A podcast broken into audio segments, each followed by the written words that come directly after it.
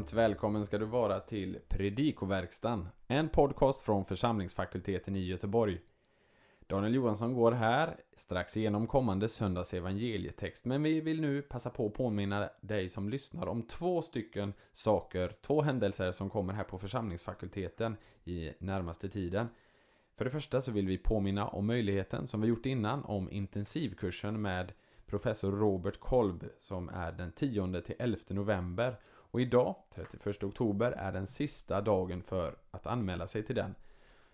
Han kommer alltså tala över ämnet The Genius of Luther's Theology, The Wittenberg Way of Thinking for the Contemporary Church. Det är undervisning under två dagar på engelska.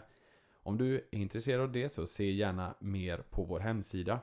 Men förutom det så är det dagen efter den här intensivkursen fakultetens dag den 12 november. Och här behövs ingen anmälan och här är det också på svenska som eh, föreläsningarna sker. Och där är alla varmt välkomna. Så reservera tid för fakultetens dag den 12 november.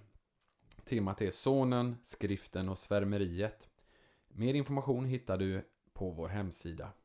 Men nu, en genomgång av kommande söndags evangelietext. Vi önskar dig som vi brukar en god lyssning. Andra årgångens evangelium för söndagen efter Alla helgons dag kommer från Johannes 6.37 40. Vi inleder med några korta kommentarer kring översättningen av texten. Slutet av vers eh, 37 är bättre översatt i folkbibeln än Bibel 2000. Där står det O ekballo exo. Vi har en dubbel negation, O plus konjunktiv, som ju uttrycker den starkaste formen av negation i grekiskan. Folkbibelns Jag skall aldrig någonsin kasta ut uttrycker detta bättre än Bibel 2000 Jag ska inte visa bort. Vers 39 Hinna har här inte final betydelse som det ofta har utan här måste det översättas med ett att. Det uttrycker innehållet i Faderns vilja.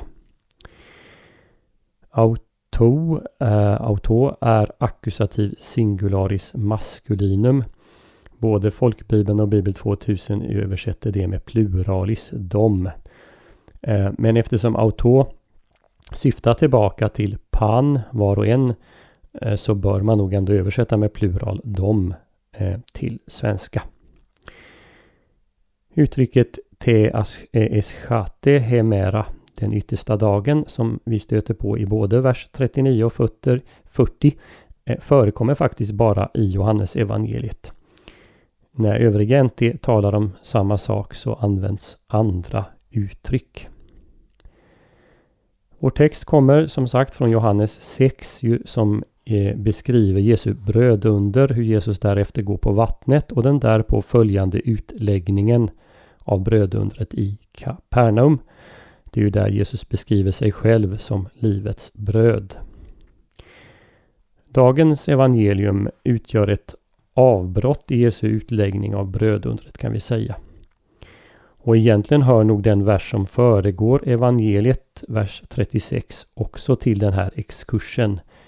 Där står det Men som jag sagt er, ni har sett mig och tror ändå inte.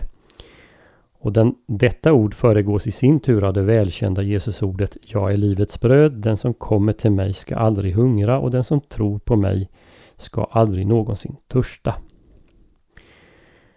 Vår avslutande vers, vers 40, kan sägas utgöra en sammanfattning av avsnittet 36 till 40 eh, och återknyter också till vers 36.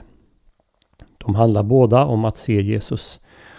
Eh, vi kan också se hur vår avslutning i vers 40 knyter samman eh, med vers 37 som ju i båda fallen talar om Fadern.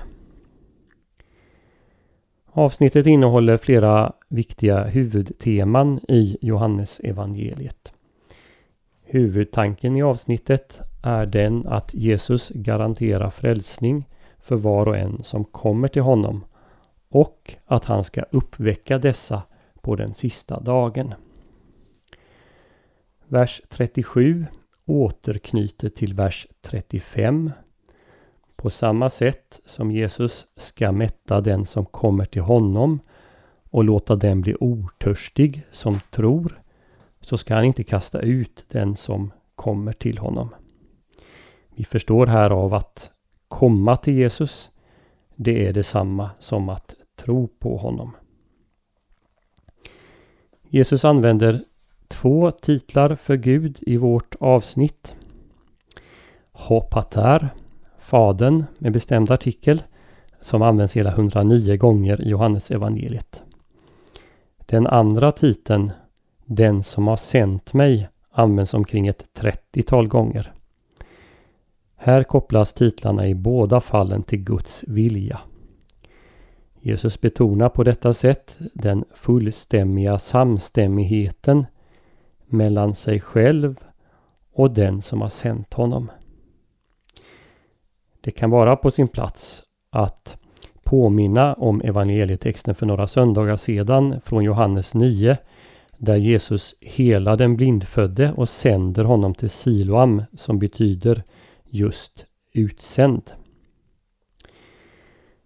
Två gånger lyfter Jesus fram att de som kommer till honom eller tror på honom är givna till honom av Fadern. I vers eh, 37 och Eh, 38. Som den av Fadern uts eh, utsände är det Jesu uppgift att inte kasta ut dem, vers 37, och att inte förlora dem, vers 39. Dessa utsagor kulminerar i vers 44 efter vår text där Jesus säger Ingen kan komma till mig om inte Fadern som har sänt mig drar honom. Tro på Jesus förutsätter att Gud först har verkat på denna människa. Ingen kan komma till Fadern, eh, ingen kan komma till Jesus om Fadern inte drar honom.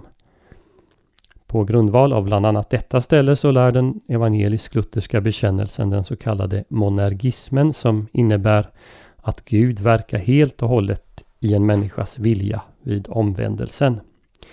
Gud gör en ovillig människa villig.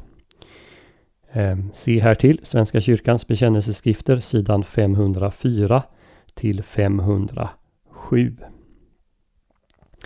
Vi noterar också att vers 44 på ett särskilt sätt hänger ihop med vers 39 då båda avslutas med löftet att Jesus ska uppväcka den som givits till honom på den yttersta dagen. Att Jesus talar om sig själv som den som kommit ner från himlen i vers 38 det knyter an till den sista versen i kapitel 1 eh, det knyter också an till Jesus samtal med Nikodemus i 3.13 och senare i 3.33 och till brödet som kommer ner från himlen i kapitel 6. Då är det särskilt verserna 31 33, 38, 41 42, 50 51 och till sist vers 58. Precis efter vår text i vers 41 identifierar identifierar sig Jesus som brödet som kommit ner från himmelen. Vers 39 betonar dels Jesu vilja att inte förlora någon som givits åt honom, vilket är en fast grund för varje kristens trosvisshet, frimodighet och hopp. Dels löftet om att Jesus själv ska uppväcka dem som getts åt honom.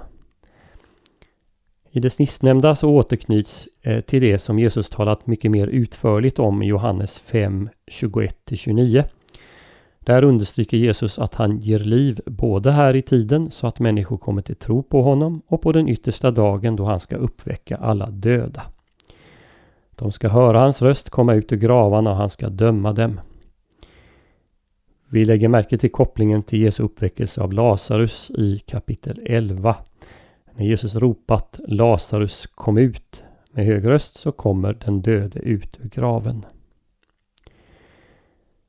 Notera här också att det kristna hoppet om uppståndelsen handlar om kroppens uppståndelse. Tron på ett liv efter detta, det var inget kontroversiellt i antiken, men tron på en kroppens uppståndelse, det var kontroversiellt och faktiskt ett skäl till att man förföljde de kristna. Vers 40 till sist återupprepar löftet om uppståndelse men knyter det mera precis till evigt liv. Evigt liv ges till dem som ser Sonen. Här finns säkert en anspelning på kapitel 3, verserna 13 till 14 och dess bakgrund om israeliterna som såg upp på kopparormen och blev räddade Eh, som vi läser om i fjärde Mosebok 21. Den som ser upp på den på korset upphöjde Människosonen och tror på honom ska ha evigt liv och Jesus ska personligen uppväcka honom eller henne på den yttersta dagen. Vi hoppas att denna genomgång får bli till hjälp och välsignelse för dig som har lyssnat. På vår hemsida www.ffg.se kan du hitta information om hur du kan stödja fakultetens arbete, som till exempel den här podcasten. Ett sätt att stödja är att skänka en gåva genom Swish. Församlingsfakultetens Swish-nummer är 123 100 84 57. Alltså 123 100 84 57. Mottagaren som anges är Peter Isak Bens utbildningsstiftelse. Märk gärna gåvan FFG Podcast om du vill stötta just denna podden. Så önskar vi allt gott och Guds välsignelse.